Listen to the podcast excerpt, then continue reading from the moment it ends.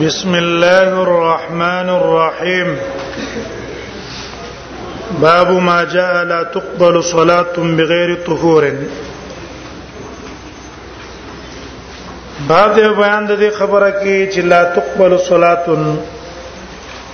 نه قبليږي مونږ په غیر د طهارت نه مصنف رحم الله ابواب الطهارت کې اول باب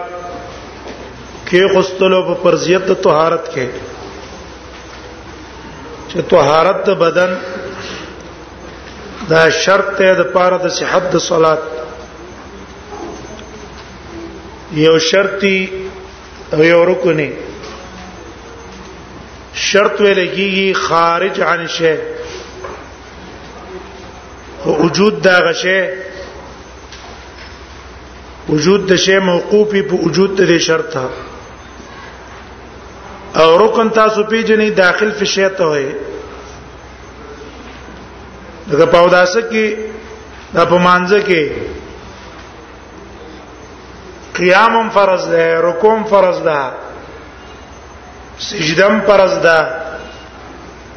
او فاتحه لستلم فرض دی خدا په مانځ کې دنه داخل دي ته لګي ارکان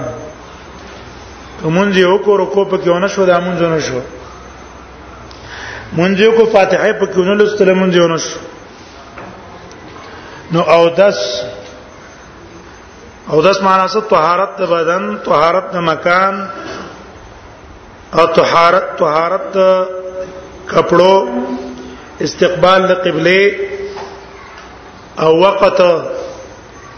دا ټول شرط ته فرض دی د پاره د صحت د صلات خدا اشیاء د مانځنه خارج دي مانځنه خارج دي داخل نه دي دته ویل کی شرط مصنف رحم الله باب کې خصوص باب ما جاء باب د بیان د هغه حدیثو کې چې راغلي دي په دې مسله باندې چې لا تقبل صلات بغیر طهور نه قبلېږي مونږ په غیر د طهارت نه مصنف رحم الله ترجمه الباب کې خوستو دا ترجمه الباب د سیاست لري لکه مسله مصنف دا مسله کې خوستا چې بغیر د طهارت بدن نمونس کیږي نه چې کله سړی قادری په استعمال د متطهر مونږ نه کیږي کوم یو کو بس په دې باندې دلیل لوري وبه قال حدثنا قتيبة بن سعيد قال أخبرنا أبو عوانة عن سماك بن حرب عن سماك بن حرب سند متعلق خبري تاسو ورېدلې دي چې سند دا د دې امت خصوصیت ته یو دې امت خصوصیت ته دویمه دارو مدار د صحت ته حدیث او د زوب په سند باندې ده که سند صحیح حدیث به صحیح او که سند ضعیف نو حدیث به صحیح خو زین کې دا کې نه وای چې ګوره متن به چی متن متن ته مم ګوره کله کله سند صحیح خو متن پسې څه شوی متن پسې ملحق شوی د ټولو باندې په نظر ساته نو دیو جن مصنف سند راوړي وبه قال حدثنا قتيبه به مصنف په اول سند کې دوه طریقې ذکر کړي اوله طریقه کې استاد د قتيبه بن سعید دا غو استاد د ابو عوانا د ابو عوانا استاد د سماک ابن حرب سماک ابن حرب او بیا د سماک استاد دی وګورئ عن مصعب ابن سعد مصعب ابن سعد د مصعب ابن سعد استاد د ابن عمر نو دا حدیث اوله طریقه د قتیبه باندې د نبی صلی الله علیه وسلم او د امام ترمذی په منځ کې پنځه واسطې دي پنځه واسطې او دویم سند کیو ګورای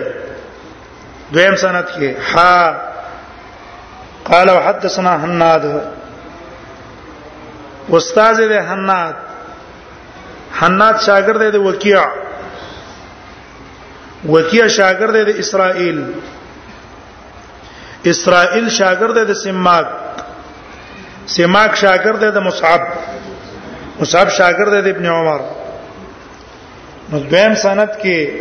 د امام ترمذی او د نبی صلی الله علیه وسلم په منځ کې شپږ واسطې دي په اول سند کې پنځه او په دویم کې شپږ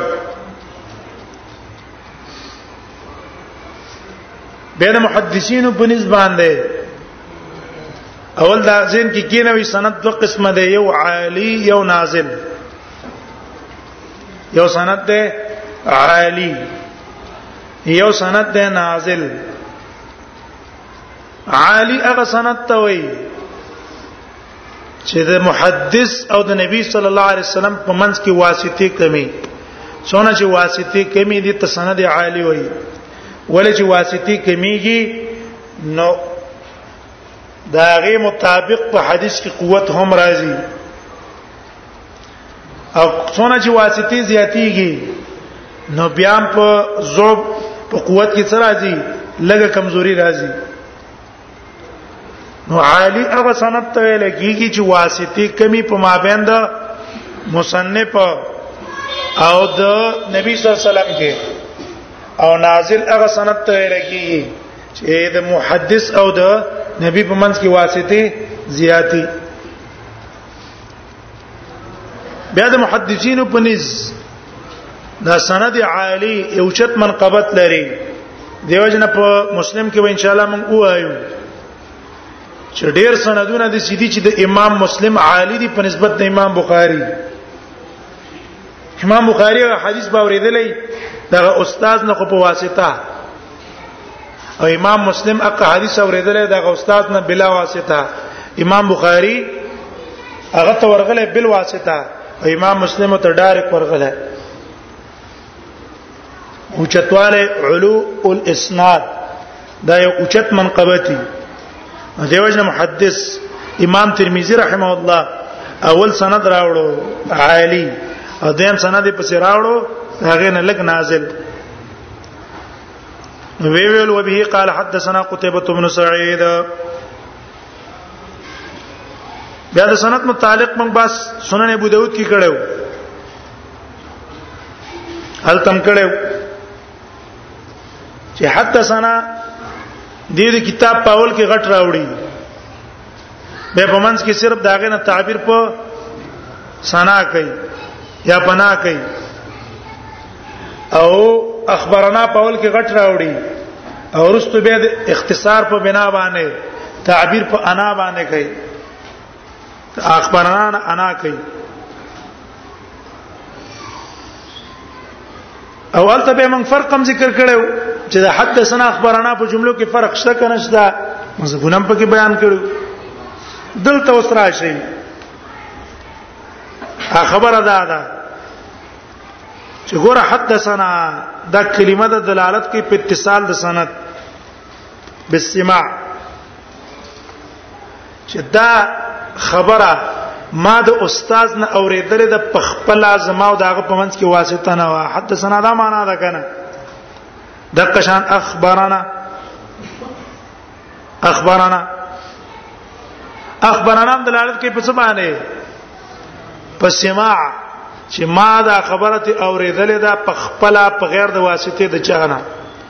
په منځ کې زما د په منځ کې بل څوک نشتا دا روایت متصل شو دغه شان لفظ د سمعتو سمعتو ما د پلانکین اوریدلې دي هغه دا ویل نو دا قولم دلالت کوي په څه باندې په اتصال باندې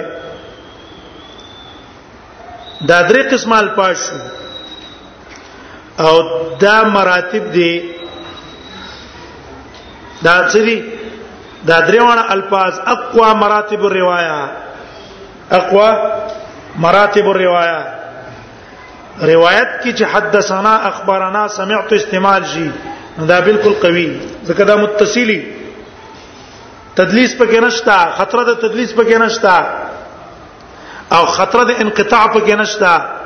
بالکل متصل ده ها بيد علماو خپل منځ کې اختلاف ده چې په دې الفاظو کې کم یو لفظ ډیر قوي ده په نسبت د نورو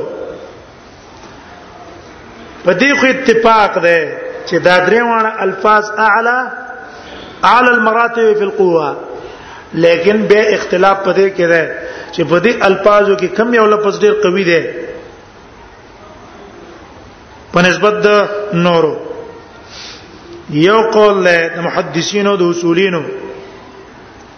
هغه وی چې لفظ د سمعت دا ډیر قوي دی په نسبت د اخبارنا او حدثنا سمعت لفظ دا ډیر قوي دی په نسبت حدثنا او اخبارنا دا په نسبت ډیر قوي دی وی وجه اصل کې دا ده چې دا لفظ د سمعت صریح دی صریح ده په سما کې صریح ده او دا تاسو ته معلومه خبره ده چې عبرت دارو مدار د صحت د سند هغه په وجود د سماع ده په وجود د سماع چې راوی او روایت د چا نه اوریدلې او سماعت ثابتي په دې سماع باندې اصل کې دارو مدار د صحت او د ضعف ته کنه نو دیو جن سمعت صریح دی پاکي دویم قول د بعض علماو ده هغه وی چې نه اخبرني وحدثني اخبرني او حدثني یا اخبرنا حدثنا دا ډېر قوي دی په نسبت ته قول د سمعتو ای په نسبت دا قوی ده وی وجه دا ده وجه د قوت کله چې راوی دا لفظ استعمال کی چې حدثني واخبرني نو په دې جمله کې اشاره د دې خبره ته چې استاد چې ماته دا حدیث اورولو نو دا هغه قص په دې کې دا چې دا حدیث ما شاګرد واوري حتی سنی اخبرني حتی سنا اخبرنا دا دلالت کوي په دې چې استاد کله دا حدیث بیاناو نو غرض هم دا چې دا شاګرد زمانه څه کی زمانه واوري عثمان ازدکی اراده وا د اسماع او د نقل د روایت چې دا شاګرد بیا را ولګي د حدیث زمانہ بل تنقل کی اخبرني حدثني دا دلالت پس کوي دا دلالت کوي په قصد اسماع د استاد چې استاد غرض په دې حدیث بیانولو کې څو دا حدیث را ورولو مونږ ته او نقل کولو چې را دا مونږ به دا غنه نقل کو او هر چې لفظ د سمعتو ده لفظ د سمعتو لفظ د سمعتو چې دا خبره نشته ولی کله کله یو استاد لګیای خبره کوي شاګرد ته اخوان استی پردین اخوا سره استاد ته پته نشته چې ماته چا غوږی خې او هغه به حدیث واوري نو سمعت صحیح ده کنه ده سمعت صحیح ده لیکن قصد اسماع پکې شته قصد اسماع پکې نشته نو په سمعت کې قصد اسماع یې نه ټیک شو کې دې شي شاګرد اوریدلې ده اخوا استاد ته اجازه پکې نه ور کړې نو دیو جنا التقصت اسماء نشتا او قصد اجازه پکې نشتا او په حد سنې خبرنې کې داشتا نو د دیو جنا څو شلو وی لفظ د اخبرني حدثني دا راجح ده دیو جن محققین علما را لګیدلی دا د باج علما قول راجح کړه بعض بعض علما قول راجح کړه چې دا قول راجح ده او حافظ ابن الملقن اغم دې خبره له ترجیح ور کړه چې دا اخبر اخبرني حدثني حدثنا اخبرنا دا ډیر قوي دی په اتصال د سند کې په نسبت سمعتو او زین ته دا سوال راځي نو دې اختلاف پیدا څه ده اختلاف فائدہ څه ده چې د علماو د اختلاف کړي ده د دې فائدہ نو فائدہ ګوره دا پاغه ټیم کې راځي چې کله یو دوه حدیثونو منځ کې تعارض راشي په یو حدیث کې لفظ سمعت ده په بل حدیث کې لفظ د اخبرني حدثني ده یو حدیث کې سمعت ده او بل حدیث کې اخبرني حدثني ده او د دوه روایتونو منځ کې تعارض راغی دوه روایتونه د صحیحانو دي یا دوه روایتونه د غیر صحیحانو دي تطبیق پکې ممکن نه ده یو ناسخ بل منسوخ نه ده او تعارض راغی جمع ممکن نه ده شو پېښوي اسباب د ترجیح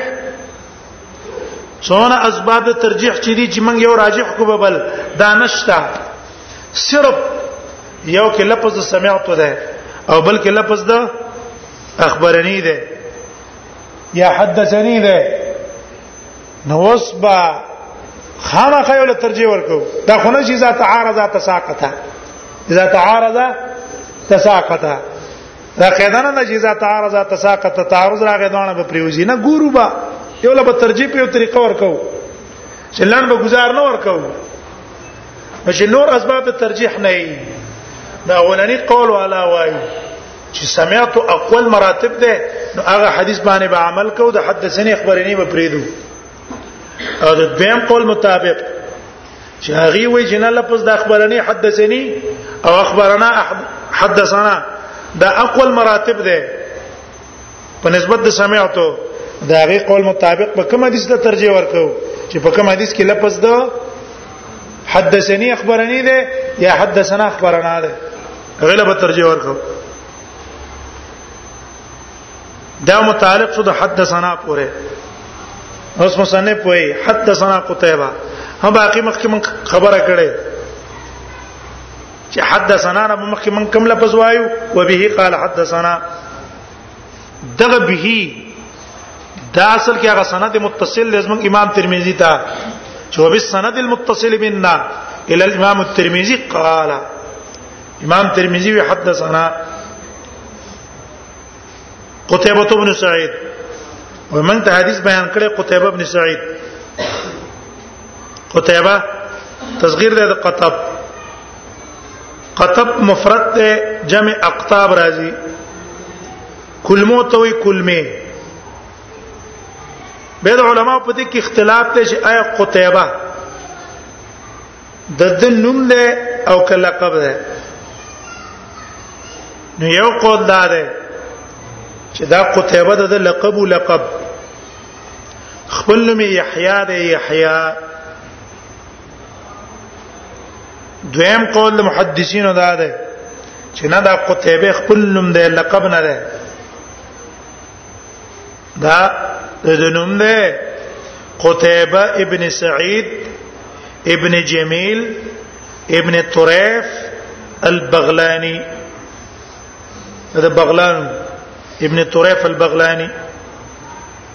كان من اجلاء العلماء والثقات الحفاظ رب جلالت او په ثقتوب او په فضل باندې ټول علما اتفاق ده او دا قتيبه امام ترمذي استاد هم ده امام ابو داود استاد هم ده او د بخاری او د مسلم استاد هم ده ټول په دې قتيبه کې سړي شریک دي قتيبه ابن سعيد قال اخبرنا ابو عوانه اخبرنا ابو عوانه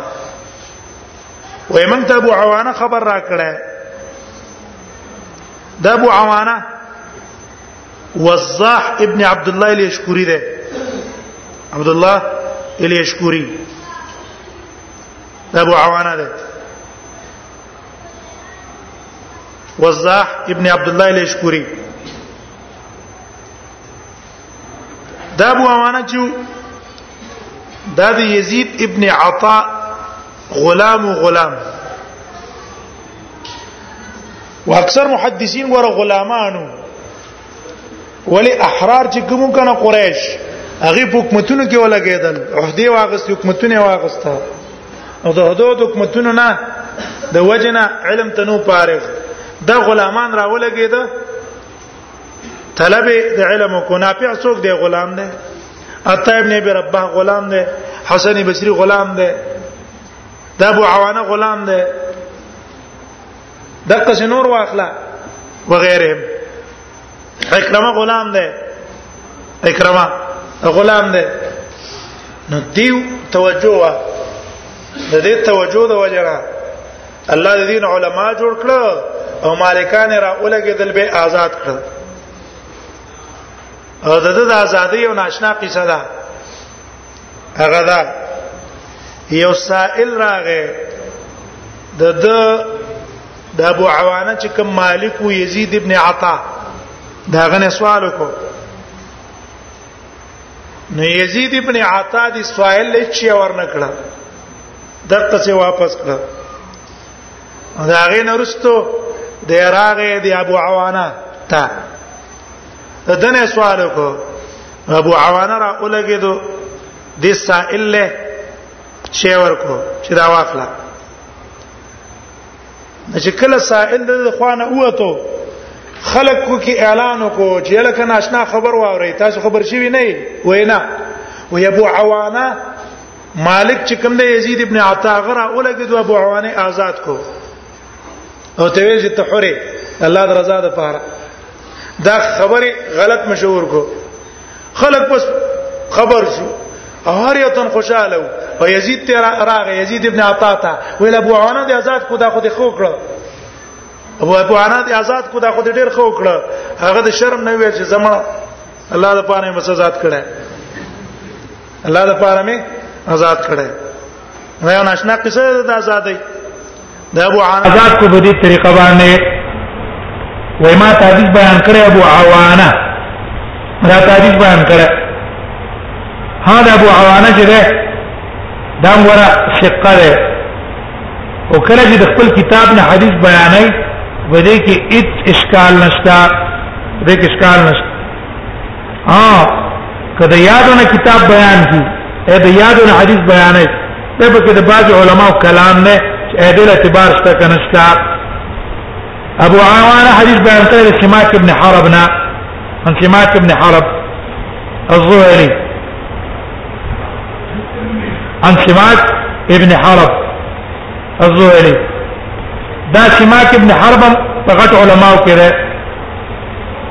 سماک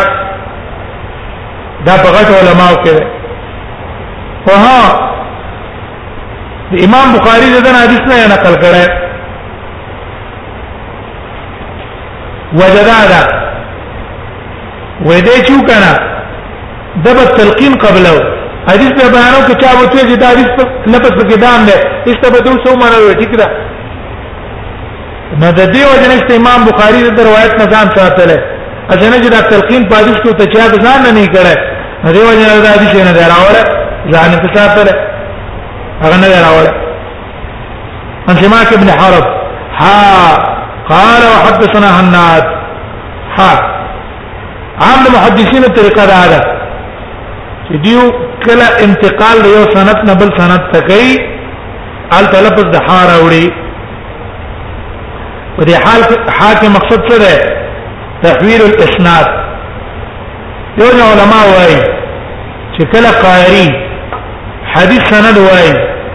مدحان برست لفظ د حدثنا وي بس به وي قال وحدثنا ها ها قال وحدثنا حناد معناه څه ها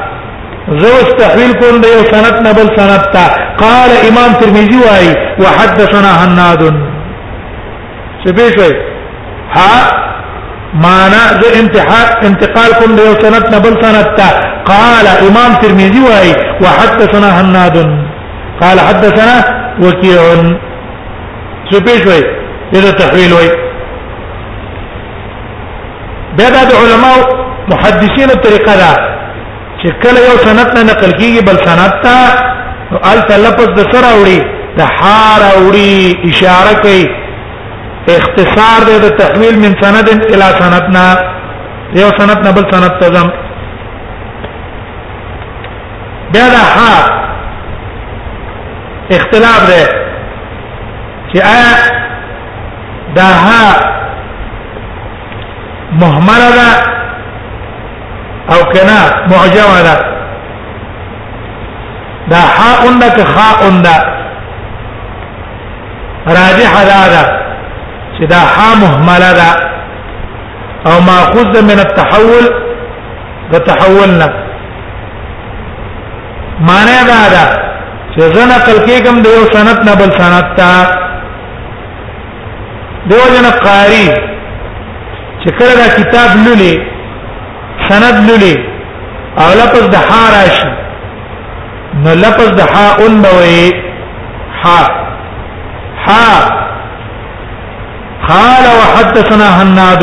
دا لفظ به استعماله ویا کې دې کې انتقال له یو سند نه بل سند ته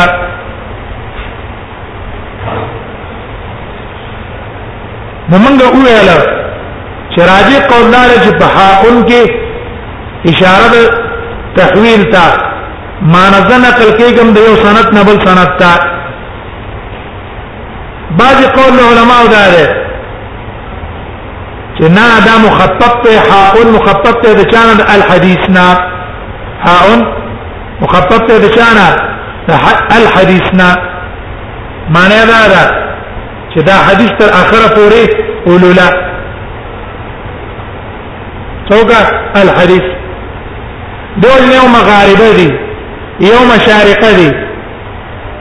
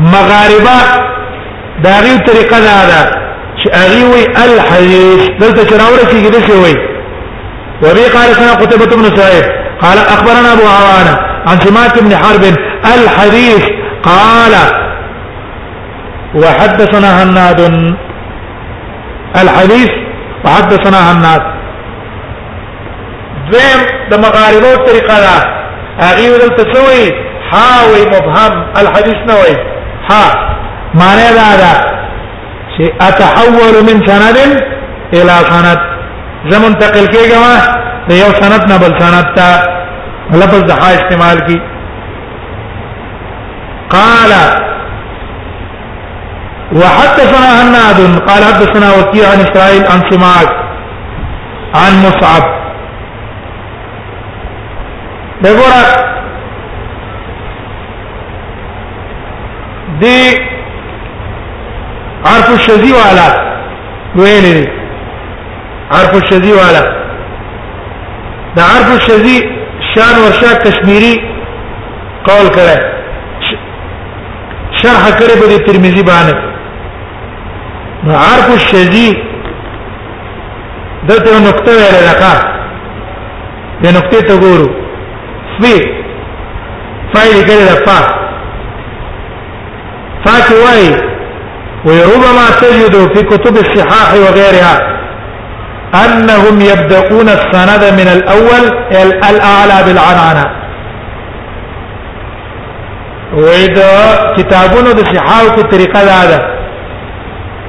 وای چې کله سند ته اول نه شروع کین ال تنانا راوړي لکه ګور عن سماک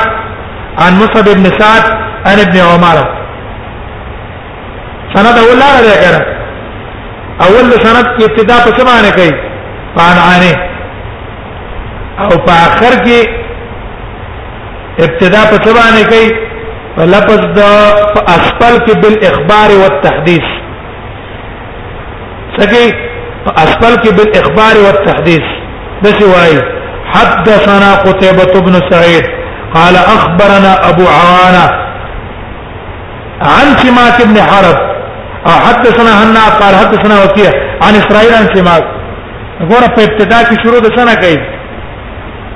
اعلان لسند لاندې سند من کم ده دا د مصنف نه شروع کیږي دا لاندې ده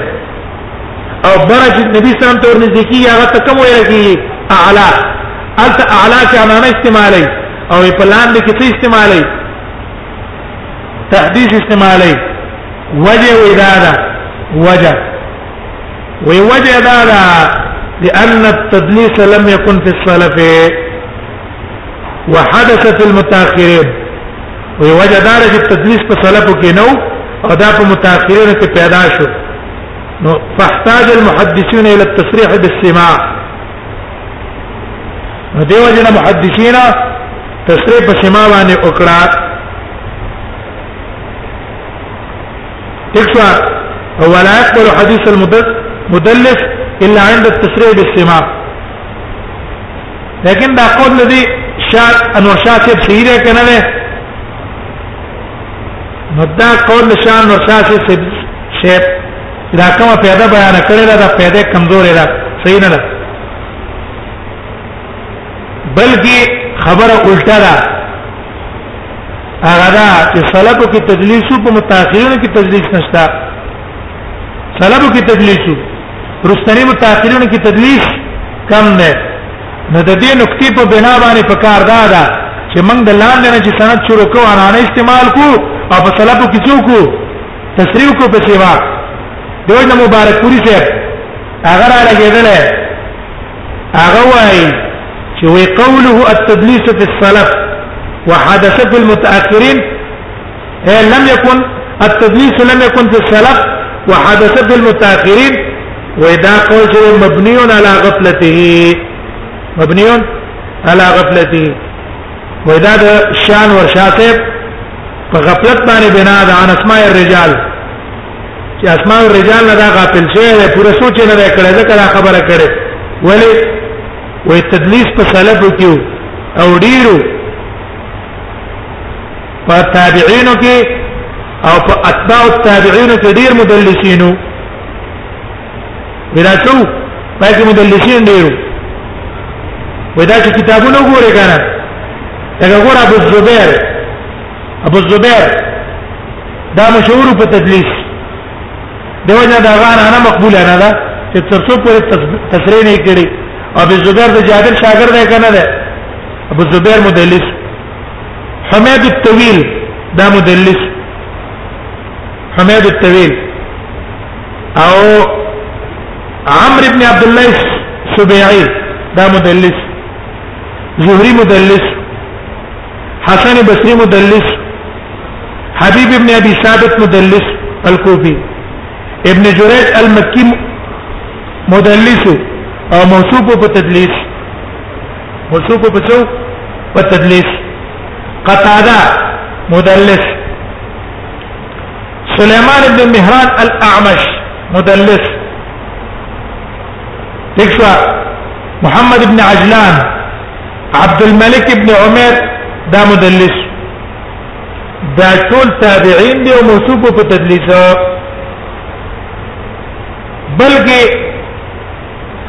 د درېمې صدې نه وروسته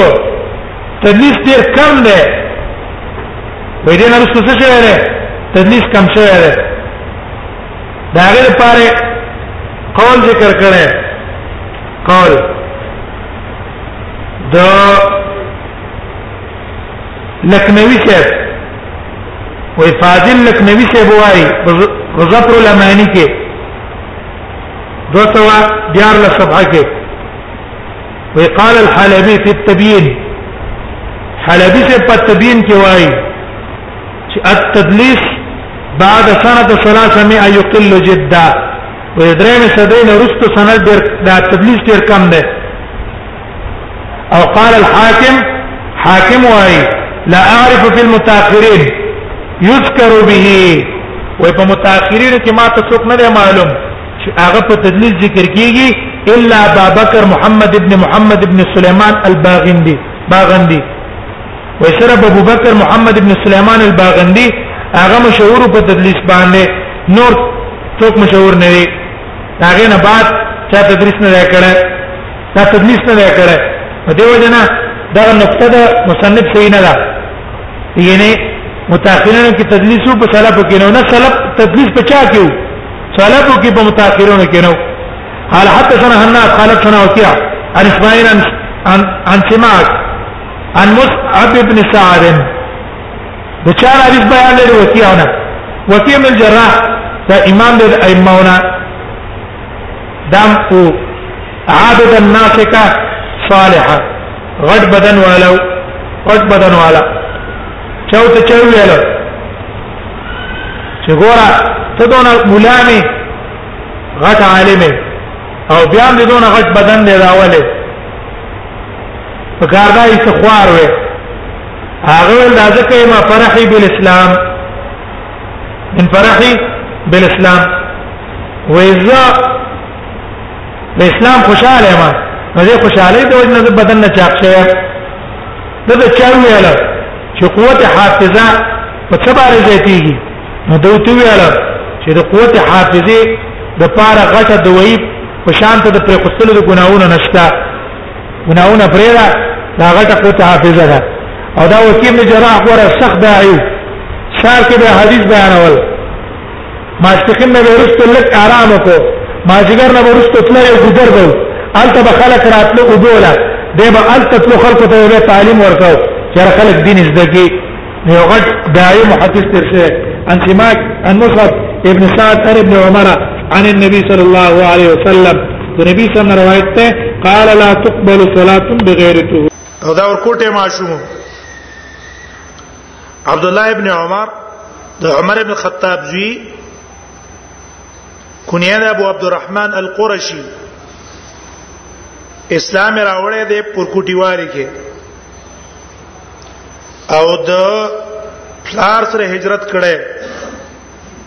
پورکوټیوالي کې بلوغ تلانو رسیدل بخاری کې د خپل روایت ته وی نبی سلام ته په احد کې پیښومه زی ور کوټه وګڼلم به غزوه خندق کې ته پیښوم نو زی ماته اجازه راکړه امام بخاری دغه حدیث نه استدلال نه وله چې غزوه خندق د احد نه یو کال وروسته ده ولی په احد کې دا د 1400 کالو ده او په خندق کې د 1500 کالو ده رسول الله ته اجازه ورکړي خو معلومیږي یو کال بعد ده عام مورخینو قول دا دی چې نه غزوه احد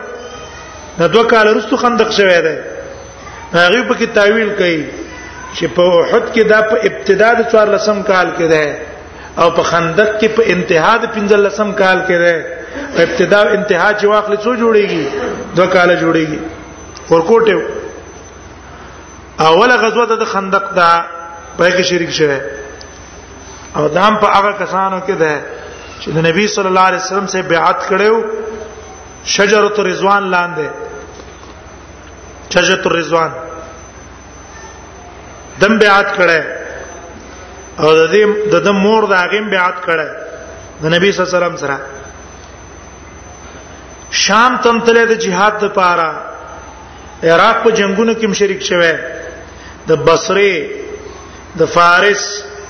په دې غزواګانو په جنگونو کې شرکت کړي ابو بکر ابن البرقي د د حلیه بیان کړی دا کان ربعه ودا درمیانه قد قامت والو نډیر وګدو نډیر لندو او یقذب بالصفرا اکثر به ګیرا زعفران باندې سره کولا او دا په مکه کې به وفات شوه دی ابو اسحاق السبيعي وايي ورأيت ابن عمر آدم ما عبد الله ابن عمر لیدلو غندمګون رنگیو غنم رنگیو غنم رنگه جسیم غټ بدن والو او ازاره الى نصف الساقين اذا لن چیو کنه دا به نصف الساقين پوریو چت به چت یتوب کعبه طواف کو مال دلو هشام ابن عروه وايي رايت ابن عمر له جمعه ما ابن عمر لیدلې وختي بریخي غوګونه تر رسیدلې جمعه اختیو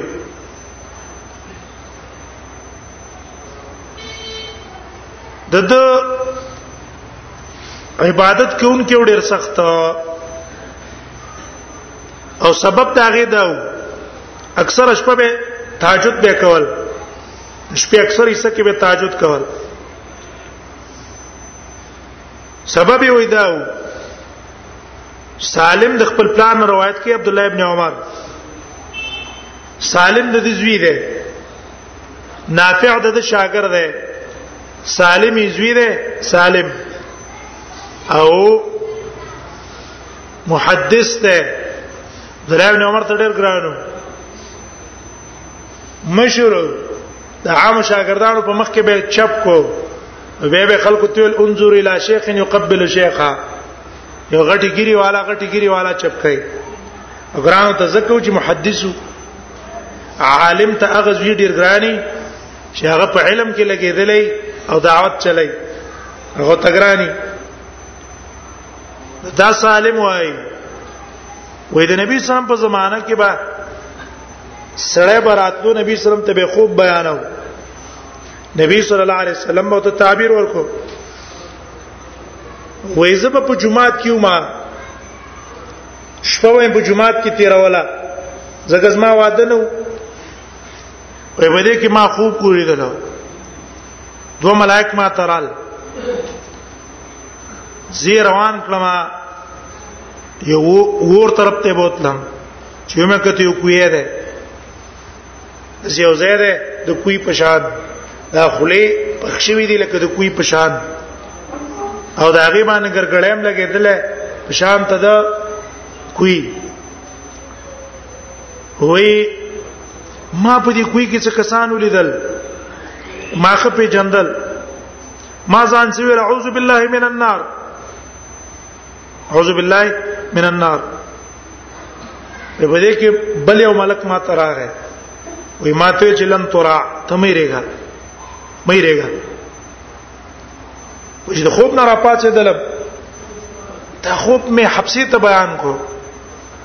چې ما د څه خوب لیدل ته نبی سلام ته ویوا حبسه دا خوب نبی سلام ته بیان کو چې عبد الله ابن عمر د څه خوب لیدل نبی سلام فرمایل نعم الرجل عبد الله لو كان يصلي من الليل خسره د عبد الله او د شپې تهجد کې کول ډېر بخوي وې دا غین رستو وکانا بعد لا ينام من الليل الا القليل لکه د شپې بود کېدو اکثر شپه به تهجد عبادتونه به کول عبد الله بن مسعود دغه مبارک وای دغه مبارک ان من املک شباب قریش لنفسي عن الدنيا وې د قریش په ځوانانو کې اغه ځوان چې د دنیا نه بالکل ځان ساتل ہے عبد الله ابن عمر ہے بالکل زاهد د دنیا د لذتونو د خوندونو د راحتونو هیڅ پروا نه ساتل ہے جابر وايي ما من احد ادرک الدنيا وي من صحابه کې چې چا دنیا مندلې ده الا وقد مالت به مگر د دنیا تمایل شوی دی او اثر په دنیا شوی دی الا ابن عمر د الله ابن عمر باندې سره دنیا اثر نه کړی دونه زائد د غوای میمون وې زه په عبد الله ابن عمر باندې ورالم نو د پکور کې چې څونه سامان پروتو هغه ټول قیمت ما ولګاو سل درهم ته رسیدو سل درهم ته د کور ټول سامان کټونه بسترې پاکه چې کوم لوخي د خوراک سامان دا ټول چې موږ اندازو لګول سل درهم ته نه رسیدا سل درهم ټول سامان ونه زاهد وو نافع وای وک چې نبی صلی الله علیه وسلم عمر ته به موقت لو نظرت الى ابن عمر وای چې ابن عمر ته به دیو کته چې دا د نبی صلی الله علیه وسلم د سنت څخه تابعداري کوي تابع جدا خو لیوانه ده څه به دی ویل چې دا خو لیوانه ده ټول تشدد هر عمل د رسول الله صلی الله علیه وسلم تابعداري کول دیو جن ډیر سخت تابع د نبی صلی الله علیه وسلم په سنتو دیو جن کم ځای کې بچ رسول الله صلی الله علیه وسلم مونږ کړو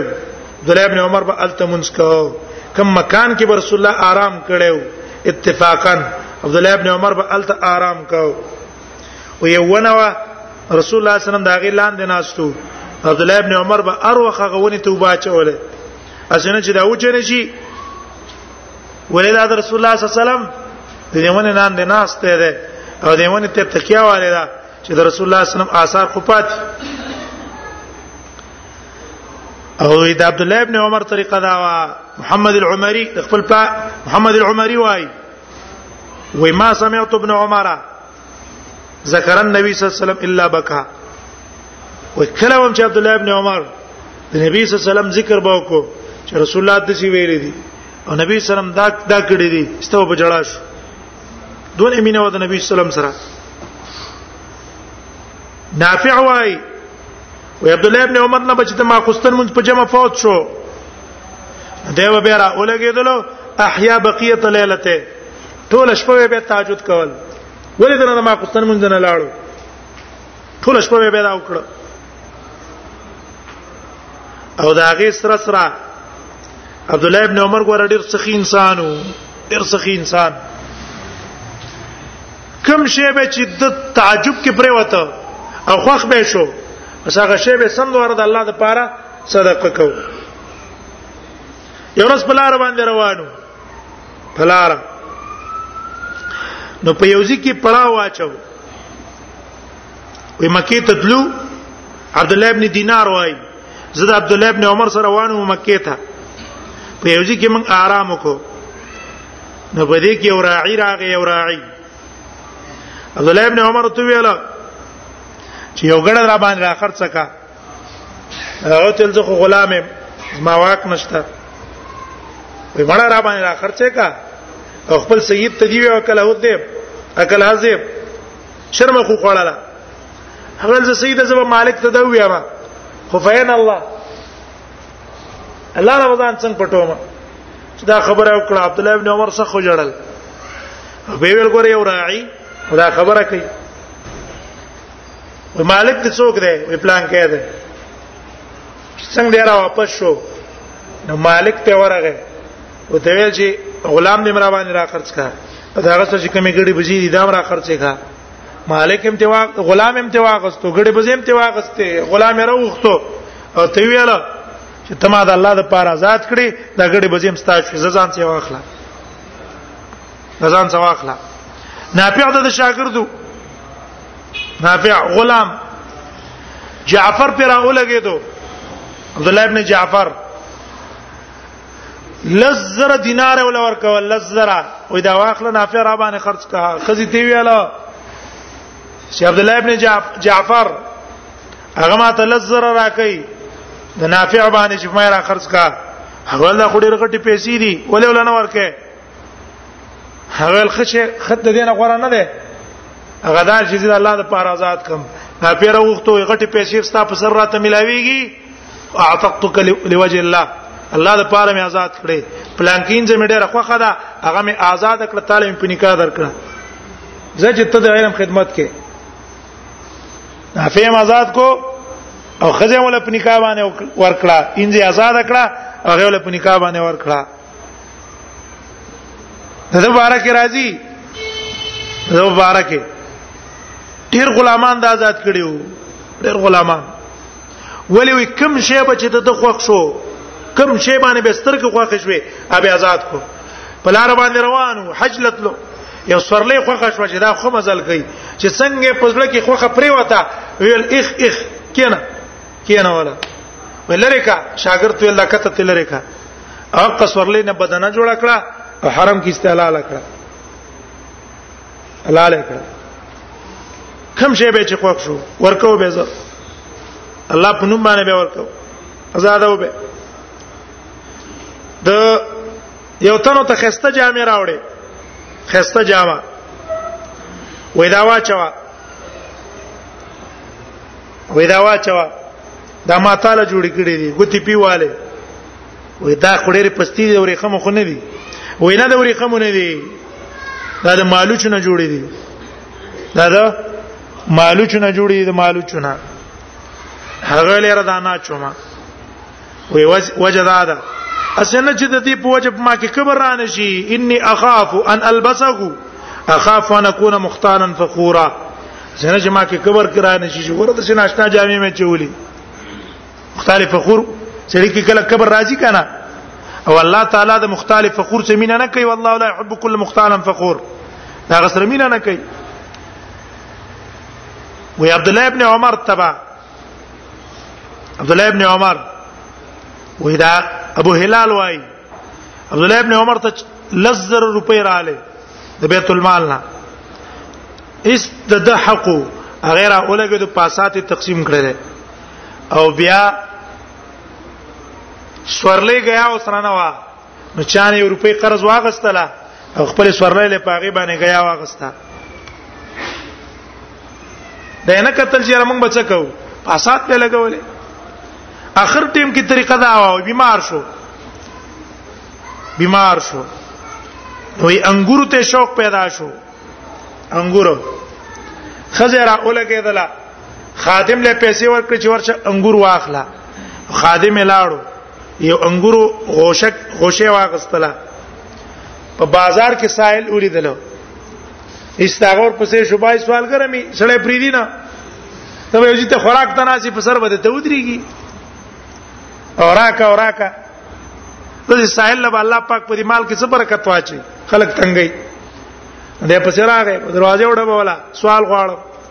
د ابن عمر ویل ورکې د انګورو لا بیا بیا ولېګلو نور خزي بل ولېګلو وایغست به سائل پس راغی درې زری دا وکړو څلورم ځل پس خزر وته لو تل ک بیا رااله بیزه تکړه به مې عبد الله ابن عمر ویل چې نه یو شی څوک غواړي الله په نوم باندې غور کول پکار دي نو تقریبا زرو نه زیات غلامان آزاد کړي دي زرو نه زیات او طریقې دا وا چې کم غلام به خوښ شو آزادو به یو ورځ بازار کې درې غلامان واغسته درې ابن عمر راغی جمعه کې په مانځه ودرېدو ست دې ټول غلامانو په شاته په مانځه ودرېدو سلام یې وکړ عبد الله ابن عمر غلامان په مانځه ولاړل وې دا مونږ هم څنګه وکړو وې دا الله درزا ده پاره صد الله ابن عمر ډیر خوشاله شو نو چې خوشاله شو او ته چې تاسو درې وړه ما الله د پاره آزاد کړی چا او ته ویلا چې ګوره دا غلامان په تا چل کوي دا غلامان په تا چل کوي چل ځان په مانځ باندې ودرې د دې غرض د پاره چې ته آزاد کې نور مقصد منځونه نه هغه تل منن خدعنا بالله ان خدعنا له سوچ موږ په الله دوک کوي موږ د دوک کېدل قبلو هغه د دې لپاره مونږ کې چې ما آزاد کی بزې د الله د پاره آزادو ما مال په الله جر راکړي خیره دا دوک کېدل ز څه کومه الله د رضا د پاره چې کوم شي کې ثوابي د ثواب په شي کې دوک کېدل د خلکو قبلو ما ان خدعنا بالله ان خدعنا له څو چې د الله لپاره موږ څوک دوکه کوي ان خدعنا له دا غي دوکه کېدل من قبله خیر هغه قبله دو احوال نور احوال هم دا غيري به دا وفات شوه ده وفات شوه سبب یې اصل کې داو سبب چې حجاج یو ځل حرم کې لګیاو خطبه ویلا دا عبد الله ابن عمر تور پاتې دو خطبه کې او تیرې عدو الله اې دا الله دشمنه استحل حرم الله وخرب بيت الله الله د حرم بي عزتي دی وکړه او د الله بیت ته وران کو ځکه عبد الله ابن زبیر د وجلو او په منجنیق د کعبه او د ازین اشتلو د الله د حرم بي عزتي دی وکړه حجاج ته څنګه شوې لې ځکه یې ریدو د عبد الملک نه عبد الملک د احترام او عزت کاو زکه عبد الملک په مقابل کې عبد الله ابن عمر خلاف نه کړه بس بیعت یې وسکړو او دغه په مخالفتونو کې عبد الله ابن عمر نه ودرېدل حجاج ته ویل دا بس اميري او د دې عزت پم کې حج کې د امیر مقرر کړو حجاج څو ته ویل نه شو نو یو تن یې تیار کو چې ته یو برچه تیار کا زهريلا نو زهريلا برچه تیزه تیار کړه عبد الله ابن عمر چې په سورلې کې ناستو نو خوا کې ورتیر شو استفادې برچه باندې وو او یا هغه پالان کې ته یې خوا عبد الله ابن عمر چې خپل کې خوسته پکې لاړ هغه زهريله وا دا غي د وجنه است عبد الله ابن عمر مدینه ته چراتلو په لار کې استمر شو مړ شو عبد الله ابن عمر وصیت دا وکړ چې ما د حرم نه بار دفن کړي دوی د حرم نه بار ځکه چې د مکې نه موږ هجرت کړی دی چې په دې مکه کې زه د پن نشم مهاجر لته د پن کېدل نه دی پکار نو دیو جن دی را اوله کېدل په پخ مقام کې یا په زیتوا مقام کې د د پن کړی دی سنه 74 سلور او یا هجری کې او هو اربع ابن 84 او د څلورو اتیا کالو په عمر کې مکه کې د مرشوه پخ یا پزی توا مقام کې د پنځه ټول روایتونه چې تنه نقل لې دوزرا شپک سوا دیرش روایتونه دنه نقل لې دوزرا شپک سوا دیرش روایتونه دنه نقل لې متفقون علی روایتونه یوصل شپږ اتیا روایتونه متفقون علیه دي یوصل شپږ اتیا او انفرد البخاری امام بخاری چې انفراد کړی دی نو به 81 حدیثه په یو اتیا احادیث انفراد کړی او مسلم انفراد کړی به 31 په یو دیرش په یو درش عن ابن عمر عن النبي صلى الله عليه وسلم قال لا تقبل صلاه بغیر طهور ولا صدقه من غلول نه قبليږي منس بغیر د طهارت نه او نه قبليږي صدقه بغیر د ولا صدقه من غلول